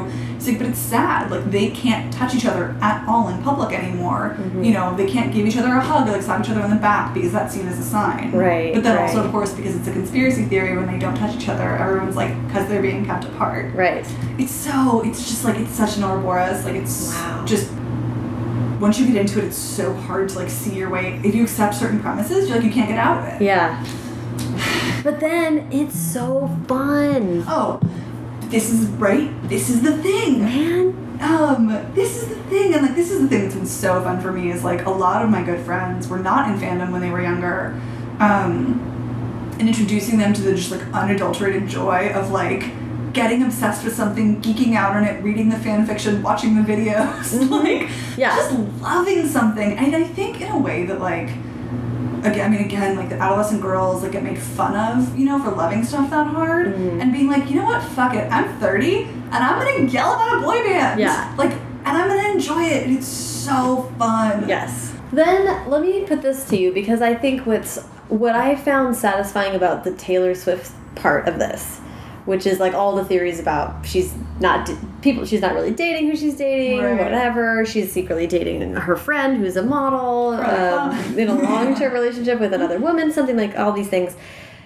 There's something compelling about the concept that like reality isn't what we're being told and that the person running the whole show is Taylor and like she is manipulating us but it's working but like when you are starting to sniff it out like you're a part of it So this is so, oh my god, there's so many things. So this is A, one of the things that I think is just like so fascinating about modern conspiracy theory fandom is it's, it's kind of born of like just like kids being taught close reading in school, right? You're taught like, oh yeah, you like look at the details, you figure out what the symbol is, right? It's a very one-to-one relationship. You're like, oh, the author made this person's like, you know, coat red because they're angry. And then it's like, well, if that's true in lit, why isn't that true in the world, right? Taylor Swift wore a red coat to indicate that she was angry about being on a date with Calvin Harris. Like, yeah You know? right um, that there is an extent to which it's so comforting to believe that the the world is, is legible as a book. Yes. Um, and that there's symbols and there's a, an orchestrator and there's a truth and that you're smart enough to see behind it. Um, and that there's an arc and that things make sense Yes, and I think it's, but I think it's particularly compelling with celebrity culture because we're at a place now where we're like we all know that we're being lied to, right? Certainly by the tabloids, like to a bit to an extent by celebrities themselves. Um, and like yeah, we're we are constantly being presented with these people. We want very badly to know them. We know that like they're being lied about. We know that they're lying if we can come up with a theory that a explains it and like tells us exactly what it is that they're up to um, and also suggests that like they're the author and they're reaching out to us to like tell us that secret story i mean that you're like oh oh yes let me in yeah But it's also like I'll use this as a as a framework. When I lived in DC and the new seasons of House of Cards would come out, mm-hmm.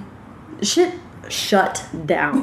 the city was dark for the weekend and Yeah. everyone watched all of it. And I am convinced it was because everyone in DC knew that nothing in DC happens for a reason and it's all mm-hmm. chaos and shit falls apart because someone wasn't paying attention and because that town is run by 26 year olds who don't know what they're doing and they have an unreal amount of power and no one knows what the fuck is going on. And watching Kevin Spacey know exactly what the fuck is going on and mm, puppeteer the whole town is deeply satisfying. yeah And like, if we accept that for celebrities, the narrative is out of their control and everything is out of control, and we are being so a part of their loss of a huge part of their life, which is like privacy. Yeah. Like, if we accept all of that, then it's like, and this is a huge uh, but this is a huge other thing i think of it is that like it allow like if you're in a conspiracy theory fandom it allows you to reframe your invasion of their lives you're like no no no no they have a secret they're trying to tell us yes.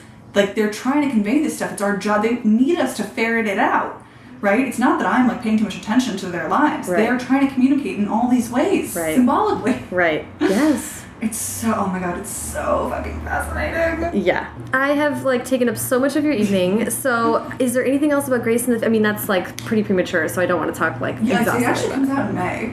Oh Um, fuck, it's not that great. Yeah. Um, Good. Yeah, Grace comes out in May, which is insane. Um, You're having a hell of a year. I'm having a hell of a year. Don't ask me about the third book.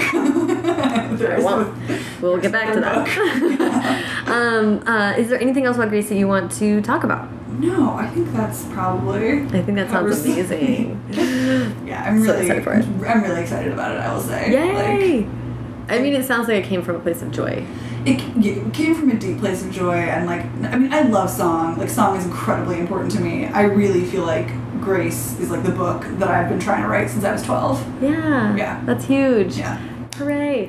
um, uh, well, we like to wrap up with uh, advice. So I'd love to hear, before you have to answer it 10,000 million times. Yeah. Do I have any advice? I know, it's funny. I never feel. I mean, not that this question gets asked so often, but I like I read other people's writing advice, and I'm always like, do I have any? Like, because I, I do feel this is like the last remaining sort of chip on shoulder Mm. from my like you know years of not taking myself seriously. Is I do feel like I figured out how to write for myself, Mhm. and I have no idea how anyone else does it. And frankly, every time I like go to a conference or whatever, and someone else describes their process, I'm like, that sounds horrifying. What are you doing? like. There's no way that works. Yeah, I'm, just, I'm like, I'm like, if someone made me do that, like, I, I could not. Right. Less so for writing, more so for revisions. People have these like elaborate, like arcane revisions processes that I'm just Mhm. like, I just read the book again. Yeah. Start changing stuff. Yeah. Um, Which is good to know too, because when people tell you that they get index cards and that they do string between things, and it's like then you have this false sense that like, oh, if I just follow these steps, my book will revise itself basically. yeah, which it. Mm, mm. I've, I've done. I've used index cards and didn't make it any easier. Yeah. Yeah, I mean, so I, I guess maybe like my best advice would be that like, yeah, you can like go to all the conferences and read all the books and like learn all the techniques that you want. Mhm. At the end of the day, like you have to figure out a what it is you most want to write about, and b how to like get yourself to sit in a chair and put the words on the page. Yeah. Like it's just not. People have a lot of techniques for making themselves do that, but like at the end of the day, that's all you're doing. Yeah. Okay, well, kind of related to that, I did want this is the Yeah. question I bothered to write down, and then I was going to Oh, yeah. ask it. It is, and it is related to that because I feel like you and I are similar in that it sounds like you take a while to figure out what you're really writing. yeah.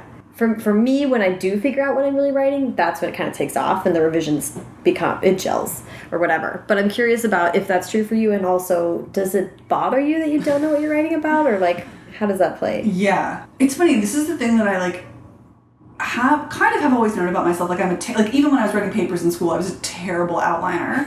you know what I mean? Because I was Yeah. like, I can't, I can't think that way. Like I can't write two sentences per paragraph. I have to write the whole paragraph to know what the paragraph's going to be about. Like, Yeah. And I mean, and luckily I, that pretty much works for me. Mhm. Um, where I, I mean, I really luckily I write fast. um, Right. And so I can write like a full draft of something and come Right. back and change and move everything around. Mm-hmm. Yeah, so I, I mean, I've never, never at all been able to really know what I was going to write before I sat down to write it. It's become more frustrating to me. For a long time, I was sort of like, yeah, that's my process and that's fine. And I enjoy the process of writing so much. I'm not, some people are very tortured about it. I'm not. I love writing. Mm-hmm. So I'm happy to sit there and like futz around with a couple thousand words for like two days, you know, three days, whatever. But as like a as I started taking on longer projects, it's become very frustrating. Like it's it's one thing to like you know write a thousand, couple thousand word essay and be like, oh, this needs to be scrapped or revised or whatever.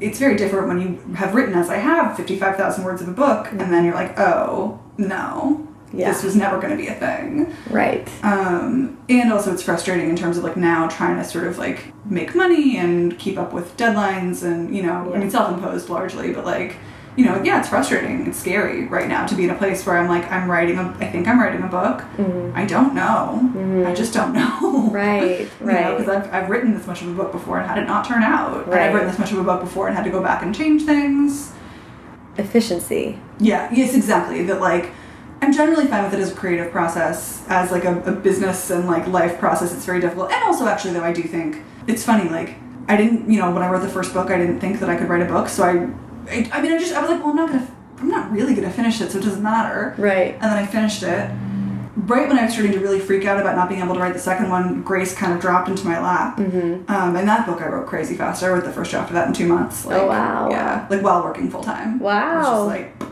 I knew it. Like I knew that book. And now I'm also like yeah in a place where I'm like, do I have a third book? Like, Right. what if I don't have a third book? Like what if those were the flukes? Like what if that was what I had to sit? You know. Mm. Um, and so like yeah, if I had a more reliable creative process that more reliably allowed me to see what was out in front of me, like it would be very comforting. Mm-hmm. Right. Um, it would be really, really nice. But instead, I just have my fun, instinctual, like, feely way of doing things. Right. Well, dude, is there anything else you wanted to say? No, I think those. Are, I think those are all of my thoughts. Ah, I think we did it. I think we did it. I feel drained of thoughts. We- so excited to watch the Olympics. Yay! The best. Um, well, thank you so, so much. This was a delight. This was so fun. Yay! Yeah.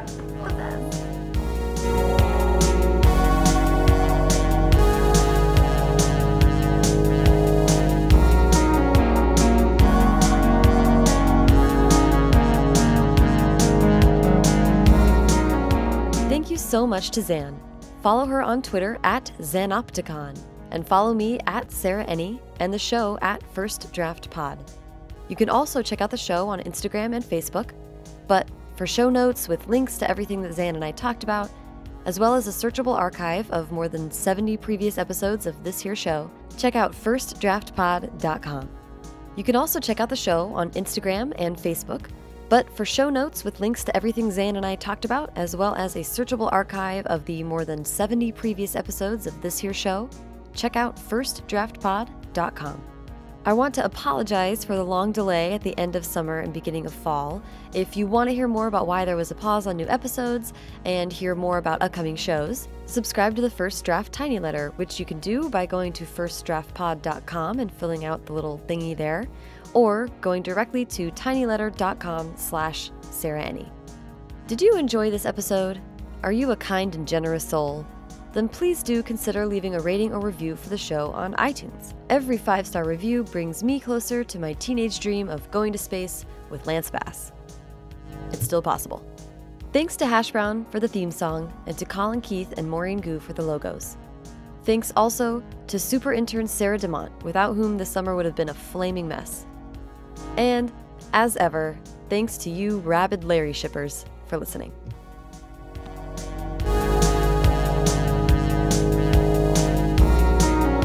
I'm just like. I'm like. I have no idea. At this point, This is what would be the most insane thing is if it was real.